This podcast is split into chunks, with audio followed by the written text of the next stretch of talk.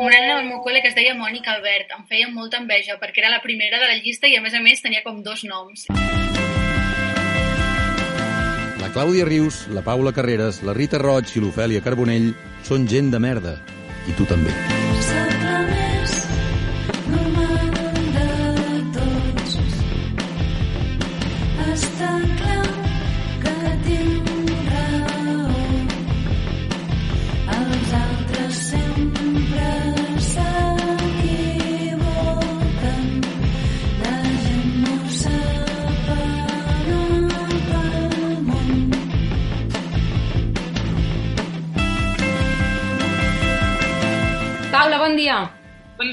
Rita, bona tarda. Bona tarda. Ofèlia, bona nit. Bona nit. Bon dia, bona tarda, bona nit. Tant se val quan escolteu això perquè si pensàveu que ja érem una generació pesada abans del confinament, imagineu-vos com serem després d'això. Quan puguem caminar pel carrer serem absolutament insuportables, però és que espereu-vos que ens fem grans i comencem a explicar que si vam néixer després de les Olimpiades i per tant no vam ni veure el moment de suposada màxima modernitat del nostre país, que si l'atemptat de l'11S no teníem ni 10 anys, que si la crisi econòmica de l'adolescència, que si el terrorisme jihadista de l'època dels primers nòvios, que si les hores de joventut passades al carrer reclamant la independència, que si canvi climàtic, que si el Barça de Guardiola, que si la Britney Spears parlant de redistribució de la riquesa. Sí, som i serem pesadíssimes i aquest programa no fa més que confirmar-ho setmana rere setmana. Però és que paral·lelament a tot això, paral·lelament a totes les hores, els dies i les setmanes que ens faran... Ai, l'Elsa se n'ha anat. No, No, estic aquí, eh? Merda, ui, és que Has de continuar. Va, els nòvios, el jihadisme i què més? Sí, som i serem pesadíssimes i aquest programa no fa més que confirmar-ho setmana rere setmana, però és que paral·lelament a tot això, paral·lelament a totes les hores, els dies i les setmanes que ens faran ser absolutament insuportables, a davant nostre totes hi hem tingut, totes, totes, un professor atensant lentament el seu dit a la torre d'un ordinador antic d'una escola o facultat i dient, perdoneu, no sé per què, però això avui no funciona. Nenes, aquí és quan hauríeu de, de reaccionar amb alguna cosa. És que jo m'he quedat com processant el moment que els nòvios i el jihadisme estan relacionats. Sí.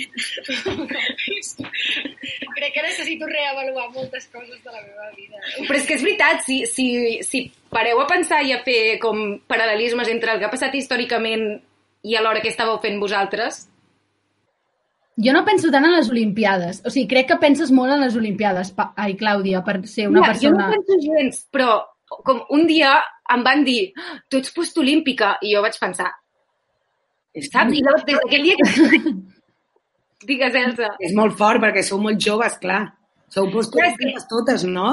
Sí. Jo crec que, sí, que, jo crec que a nosaltres ens és igual perquè ja no ho vam veure, però a mi de vegades doncs, hi ha gent que m'ha parat especialment, com ha posat especialment èmfasi en aquest fet, doncs ja està, doncs jo ho dic. Ja. No sé, en el meu cervell és una obvietat que, que som postolímpic. bueno, saps? Com que les Olimpiades no estan a dintre del timeline de la meva vida, llavors és Ja, igual. ja, però No sé. de la majoria de la gent... Exacte, sí, sí, de la gent, sí. Bueno, he dit el nom de la convidada abans de que toqués, em sap greu. Paula, uh, qui ha sigut l'última persona que s'ha estalquejat? Mira, és que l'altre dia pensava que, clar, quan nosaltres anàvem al col·le no podíem estalquejar profes, però que segurament, si ara anéssim al col·le, estaríem tot el dia Uau. estalquejant profes. Ho fan, ho fan, ho fan molt.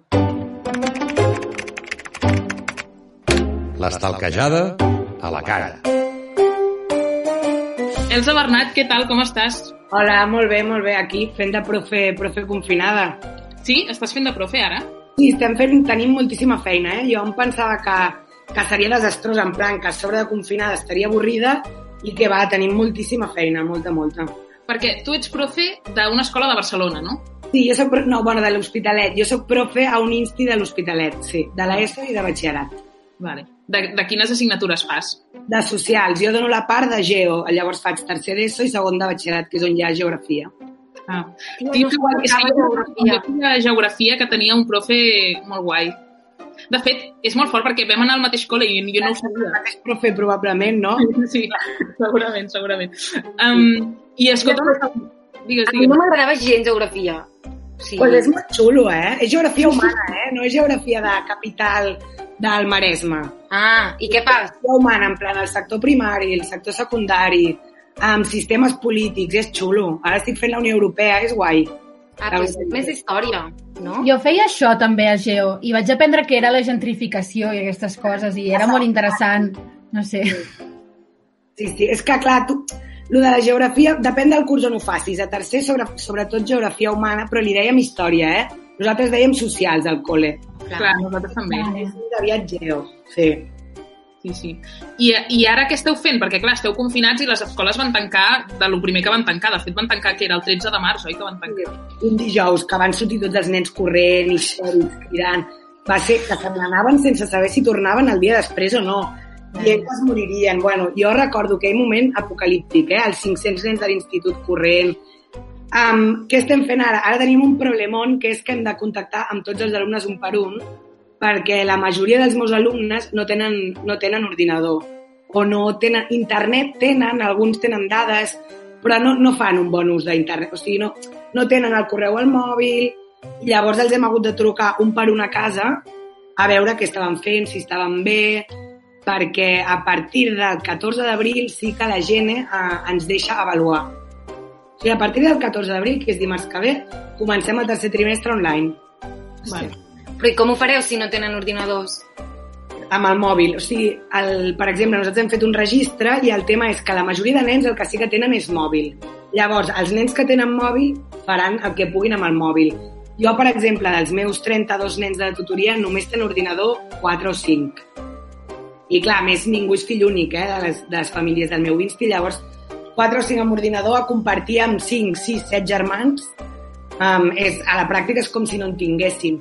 Llavors el que demana la gent és que fem una avaluació individualitzada, és a dir, si tu saps que un nen no té internet, no el suspendràs. Si saps que té internet i té ordinador i tal, i no fa res, llavors... Um, a Però- veure, Però, Elsa, i el, el nen que no té internet, què, què pot fer a, a, o sigui, a nivell escolar? res. No podrà avançar absolutament res. Sembla que els hi enviaran ordinadors i que els hi posaran internet. Però jo no tinc gaire esperança, eh? Perquè igualment els que tenen internet, molts no el saben fer servir bé, perquè just ara nosaltres havíem obert el Classroom, no saben penjar els fitxers, alguns tenen dificultats. Per tant, és una mica complicat. De totes maneres, no podem avançar contingut, eh? Només hem de fer avaluació competencial per si a casa els nens no es poden connectar. Però perquè una cosa, Elsa, o sigui, vale, no, no tenen internet a casa, però entenc que són una generació que ja ha crescut amb ordinadors i que sí que saben fer servir No, no, no, no, no han crescut gens en ordin amb ordinadors, eh? de la biblioteca o del col·le que no sé què. Tot amb el mòbil. Els meus alumnes, um, el problema que tenen és que no estan gens familiaritzats amb un ordinador. És a dir, un Word, que per nosaltres és una cosa com que tenim des de sempre, no, no el fan servir. Ho fan tot amb el mòbil. Però amb el mòbil vols dir amb, amb, que amb el mòbil també poden consultar internet o Tot, i el treball amb Word que tu feies, amb les pàgines... fan amb el mòbil? fan amb el mòbil. Els meus, eh, perquè no tenen internet. Jo crec que sí que hi ha molts adolescents que ho fan amb l'ordinador, però al meu insti, que hi ha moltes famílies no, en, en més desafavorides, no tenen ordinador. No estan gens i al col·le, no, al col·le nosaltres tenim 20 ordinadors, crec, i som 500. Vull dir que no... I vosaltres, els profes, com us organitzeu? Perquè, clar, entenc que, o sigui, pels alumnes ha de ser una cosa molt, un canvi molt gran, però per vosaltres també, no?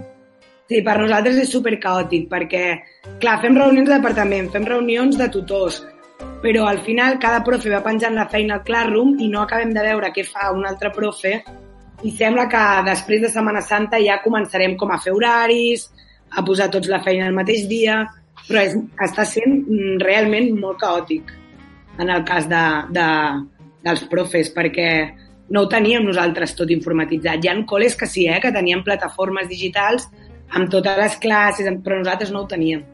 Llavors ho estem fent ara. I com us dividiu els alumnes? Perquè tu ets tutora d'un grup ja o... o...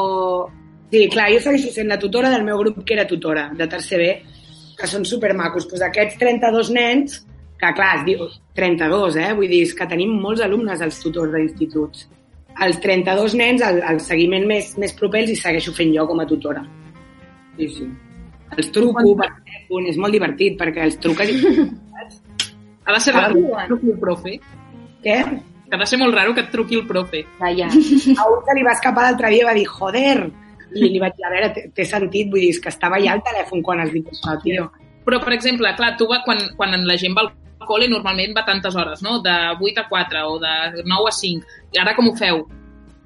Ara se suposa que moltes menys, eh? Vull dir que en, en cap cas s'ha de mantenir l'horari de que els nens hagin d'estar 8 hores treballant, perquè és que és impossible amb germans petits, amb pares i tal. Llavors, jo crec que es calcularà, jo, eh, en el meu cas, calcularé que hagin de fer dues hores, tres hores setmanals de la meva assignatura de feina. I ja està. I llavors, si no podeu ensenyar res nou perquè no podeu avançar currículum i només has de com intentar que se'n recordin de les coses de, en el teu cas, geografia, que, que ja havien après, quin tipus, amb el mòbil, o sigui, això com es materialitza, quin tipus d'exercicis o què creus que, que hauràs de, de, de dir que facin? Aquesta és la pregunta que ens fem una mica tots, eh? Haurem d'anar haurem d'anar a coses tipus um, pregunta-li, escriu sobre uh, l'última epidèmia que va haver-hi al món, no? I busca informació i tal. O fes una entrevista al telefònic al teu avi per veure com viu la gent gran el coronavirus i que facin coses supercompetencials, en plan que aprenguin a llegir, es, saps? Lectura de textos, escriure... Però, clar, um, contingut és molt xungo. I una cosa important és que on siguem d'avançar contingut és a batxi. On hi ha un problema gran és a segon de batxillerat, Clar. Perquè tenen la CL. I, com, su- I tu saps com, com els profes de la teva escola com ho estan portant, això? O Bueno, jo, també, jo també faig batxi i avui he fet una classe amb els meus alumnes per, per Google Meet, molt divertit, perquè els veus allà amb el pijama, amb la família per darrere... I, i aquí, aquí sí que has d'avançar contingut i tirar pel dret perquè tenen la CL el 7 de juliol. ja, I ja. això és important, això, perquè, clar, jo crec que jo estaria una mica agobiada. Si ja la CL, eh, en general, genera una mica d'estrès, si a més a més mm, saps que la tens i que el, el, el, has de fer les classes a casa amb el profe i tal, no sé què, vull dir que... Bueno, no sé, no sé ells com ho estan vivint.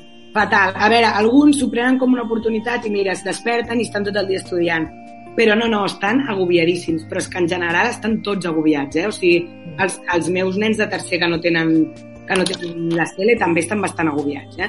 I els de batxillerat, clar, al·lucinen perquè de sobte els hi han canviat el model de prova, eh, els hi diuen que les preguntes seran més obertes, que serà el 7 de juliol, però senten per la tele que el 7 de juliol potser encara no es poden reunir més de no sé quantes persones i, i que no saben quan podran fer la inscripció a la uni, estan desesperats. Ja, pobres, tio, quins nervis. Sí, sí. Perquè, Elsa, tu ens pots explicar algun cas que tu hagis trucat a algun alumne, no té per què ser de batxillerat, eh?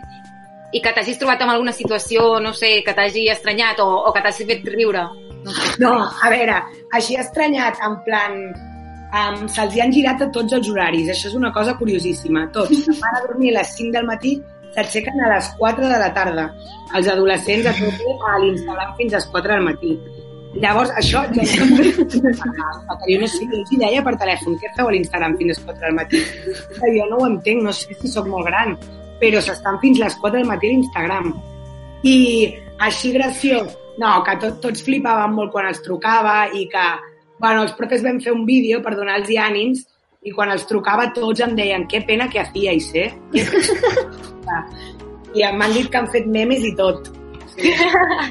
Que no, segueixen amb el seu humor de, en plan, que pesada que eres, em deien alguns, i dic, bueno, a veure, feia dues setmanes que, que no us deia res, no? O altres que em diuen, jo passo, no pienso hacer nada, saps? Com si seguíssim a polo. Elsa, però tu, tu segueixes els teus alumnes a Instagram? No, no, jo no els tinc. Ah, va, I mira, vale, vale. que, mira que cada cop que entro a l'Instagram, o sigui, molts cops miro i vigilo que no m'hagin agregat i algun cop que han vist com em deia, perquè jo deixo el mòbil allà a sobre, sí que ho han intentat, però què va, què va. No, no, no. Crec que Està permès? Què? Està permès?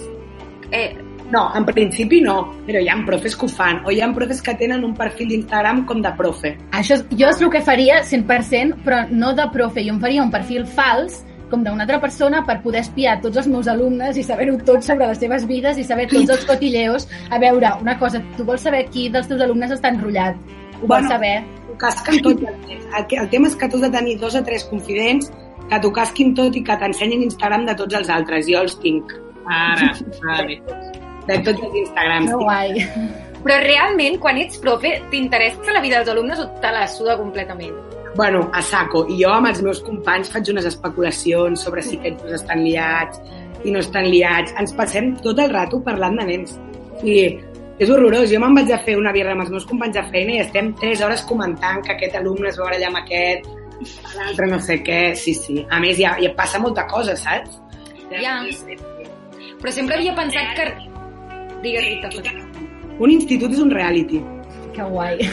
Jo me'n recordo que Sí. els profes, quan ens vam graduar, ens van agregar tots al Facebook. I va ser una mica creepy de dir, en sèrio, ara tots de cop al Facebook? Sí, quan, quan surts del col·le, jo sempre els dic, quan acabeu de ser els meus alumnes, i els alumnes que vaig tenir fa molts anys, sí que els tinc, eh, d'Instagram, però perquè és que tenen dos o tres anys menys que jo, de més, vull dir que ara ja són, ja són adults. Però tant de bo, tant de bo els puguis estar mirant ara a veure què estan fent a l'Instagram. Sí, sí. Tu quants anys tens, Elsa, perquè, perquè puguem fer la... 31, 31, 31. Molt bé. Escolta'm, doncs, ara parlarem amb la Filomena, que és una amiga nostra, i a veure si entens algun dels referents que explica i el que té a veure amb els professors. A veure. Remena, Filomena. Remena, Llavors t'explico qui és la Filomena, que és una amiga nostra que de tant en tant pues, remena coses d'internet que, li, que li han cridat l'atenció. Llavors aquesta setmana, com que sabia que tu venies, ha pensat molt en, en com ho podia relacionar amb el tema dels professors i s'ha donat que ella té com la concepció sobretot quan era més petita, de que els profes, quan acaben la classe, s'apreten com un botó d'off, es tanquen a dintre de l'armari de la classe i l'endemà al matí es tornen a apretar el botó d'on i apareixen i a partir d'aquí pues, ells no tenen vida privada, no, no existeixen fora del col·le. Jo crec que és una cosa que ens passa molt a tots, de pensar-nos que els profes només existeixen en, en l'àmbit del col·le. Llavors, l'altra idea completament contrària és la que la Filomena s'ha donat que hi ha a les sèries i a les pel·lis sobre la vida privada dels profes, perquè és com que no hi ha terme mig. O són només profes o tenen unes vides superloques i llavors s'ha posat a pensar en referents d'aquests audiovisuals que no sé, o sigui, clar, és que tu ets més gran que nosaltres, però no sé si havies vist mai física o química.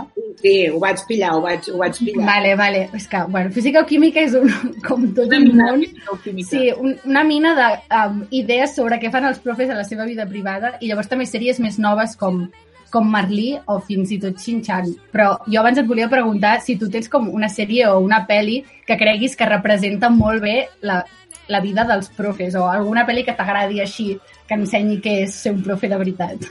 Ostres, doncs jo crec que la veritat és que no, eh? perquè a part de que jo reconec que sóc poc cinèfila, no, vaig intentar mirar Merlí perquè tothom em deia ets profes de mirar Merlí i realment això dels profes enrotllant-se amb els pares, els profes... Vaig dir això, això no, això no és la realitat.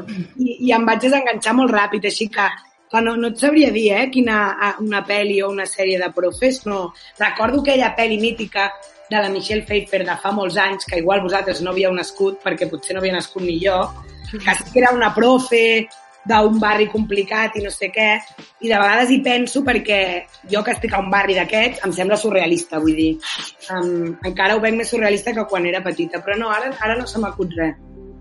Jo no sé quina és aquesta profe de, aquesta pel·li de la Michelle Pfeiffer, però aquest any a la uni he tingut un profe que es deia Michelle Pfeiffer. És una cosa molt bona que m'ha passat. Jo també l'he tingut, però que t'explica literatura contra... concentracionària i tu, tu només pots pensar que es diu Michelle Pfeiffer i ja està. Jo que amb Vitessa ja genero controvèrsia per Frozen, imagina't. Ai, uau. Hòstia, ja veu.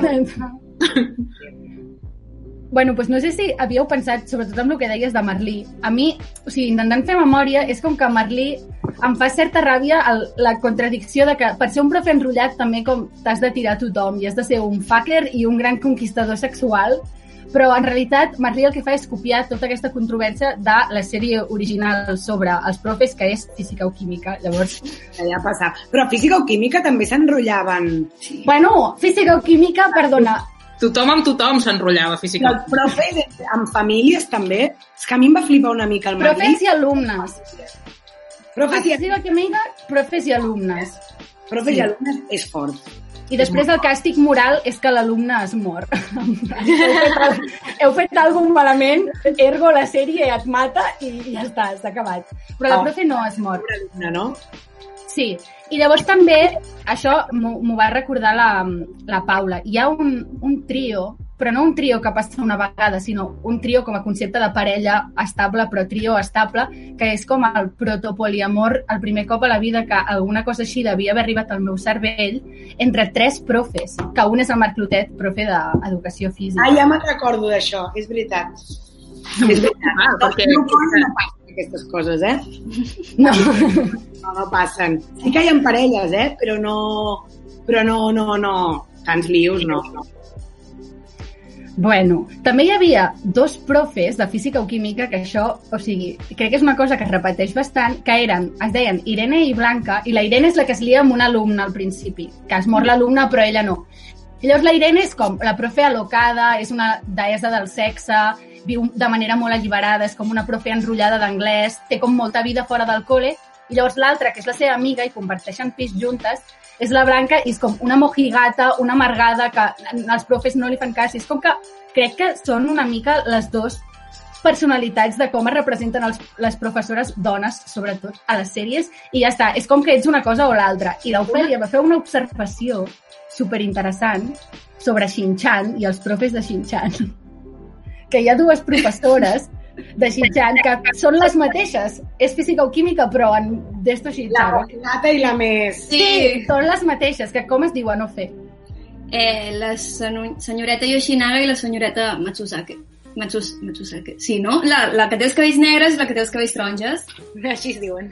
Sí, no sé.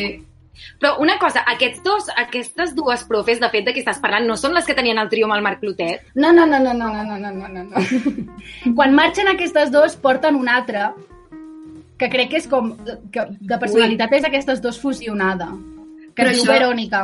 És més Llavors- endavant. Sí. Tu saps bé, eh? Jo no, jo no me'n recordo tant, eh?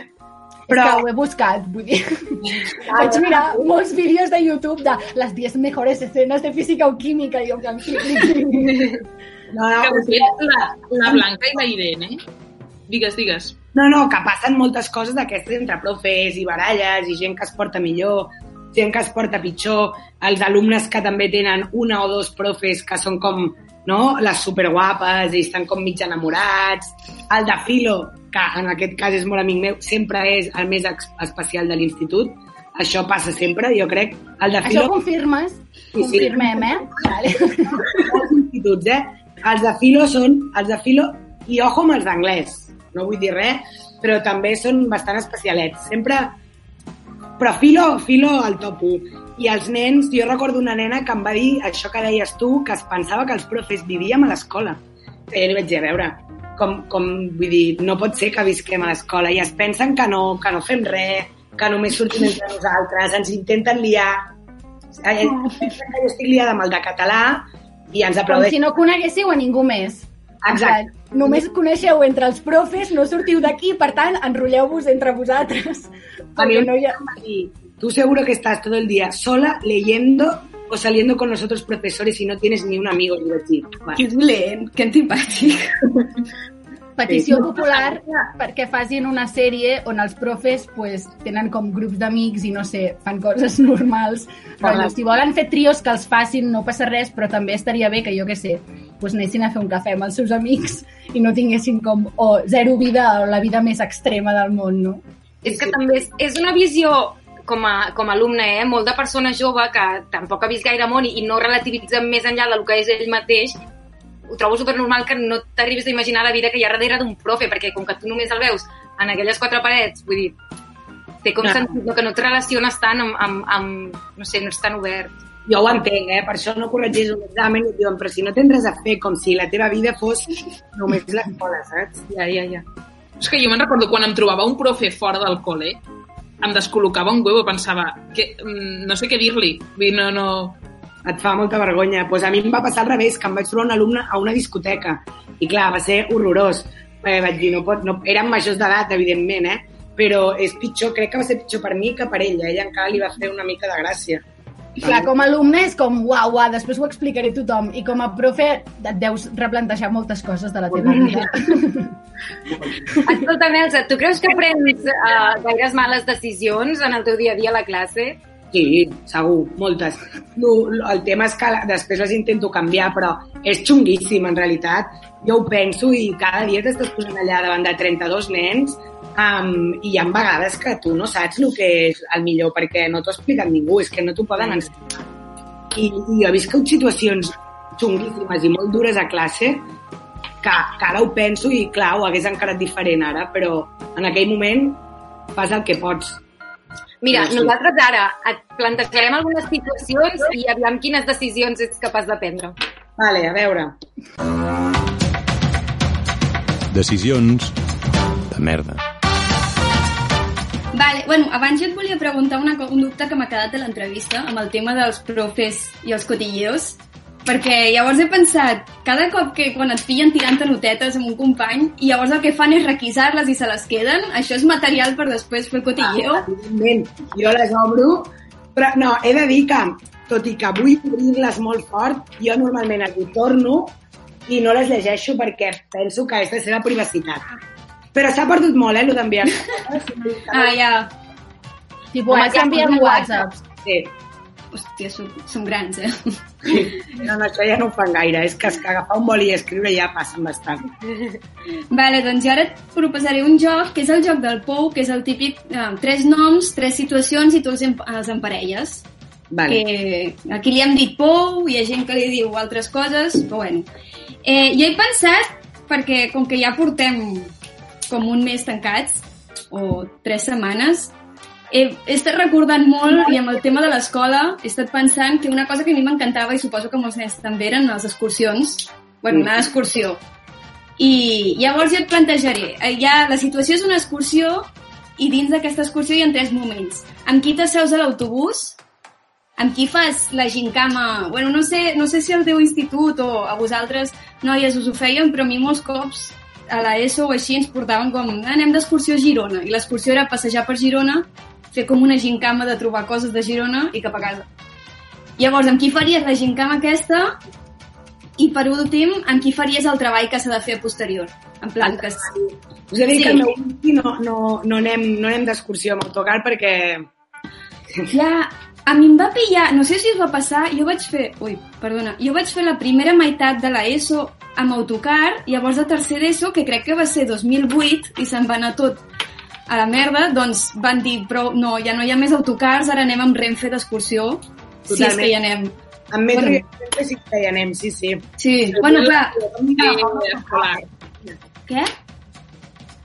Que els No t'he- nens somien en agafar un autocar. Ah, ja, no, no, ja. Pobres. Bueno, no, nosaltres... És que, a més a més, com que nosaltres... Jo anava a l'institut a Mataró i, bueno, s'acaben uh, s'acaben les coses per fer. Uh, vull dir, sí, sí, havíem de pillar el tren.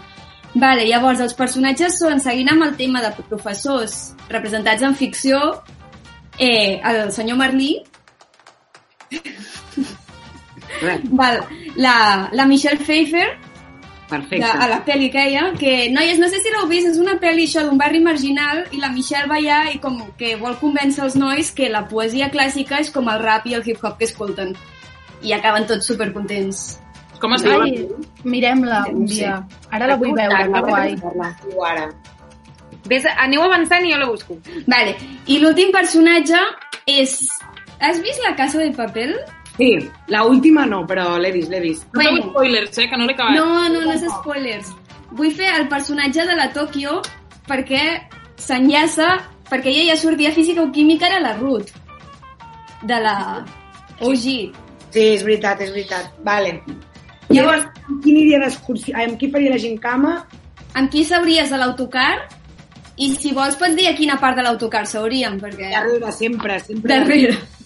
Tio, jo sóc una friqui que em marejo i llavors no podia anar al darrere mai. És com el meu trauma màxim. Rotllo, va, ves tu al darrere, no passa res, i em quedo jo al davant al costat dels profes intentant no vomitar. Oh, perquè era, hi havia una mena de jerarquia social segons com d'enrere o d'endavant de l'autobús, seies.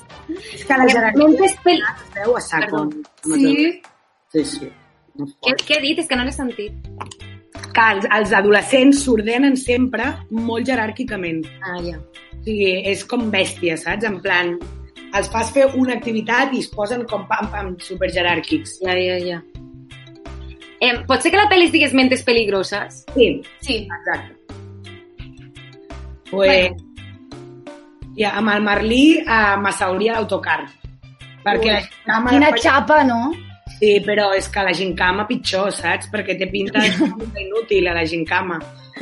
Llavors la gincama la faria amb la Tòquio i suposo que el treball el faria amb la Michelle Pfeiffer. Sí, sí. Però, vaja, el Merlí quasi que ni per l'autocar, eh? Però, vaja. li cremes l'autorització. No sé si us passava, jo sempre m'oblidava de portar l'autorització filmada i que era M'agòbio. com uns drames de casa meva i ja trucant, mama, m'he deixat l'autorització, no em deixen anar. És dramàtic, és dramàtic. Nosaltres, per sort, fem una al principi de curs, llavors en realitat ja la tenen tots. Però és dramàtic, és dramàtic, lo de les autoritzacions. Ah, o Però sigui que és mentida. Rotllo, Ah, els hi sí? feu portar igualment perquè aprenguin a ser responsables, però Però en realitat si se la deixen, uau, Sí. No! Són uau. d'aquestes trampetes que fem els profes que quan te la pillen ja, llavors ningú et porta l'autorització mai més. Jo no Vale. vaig arribar a pillar mai. Va ser Però com... potser tu no, ho, eh, no t'ho feien, segur que t'ho feien, no sé per què estic dient això, segur que tots ho fan tots els col·les. Quines excursions feu, Elsa? On, on aneu? Super poques, perquè entre que, que és, és xungo treure'n a tants, perquè nosaltres tenim grups molt grans. Però, a veure, per exemple, vam anar, va ser èpic perquè vam anar, hi havia com un, un projecte de que els nens coneixessin la- l'agricultura ecològica i doncs vam agafar el tren i vam anar a, a Viladecans, crec que era. No? Sempre em confonc, però crec que era Viladecans. Vam anar amb el tren a Viladecans. Bueno, drama perquè no posessin l'altaveu tota l'estona primer. Ah, I sí. després arribem i l'excursió era, us ho juro, veure un camp de, de carxofes. Bueno, bueno, com es van posar, va començar a ploure, va ser horrorós, van començar a tirar Coca-Coles al mig del camp, llavors van estar castigats sense excursions, perquè a més van parar les escales mecàniques del metro, dos cops.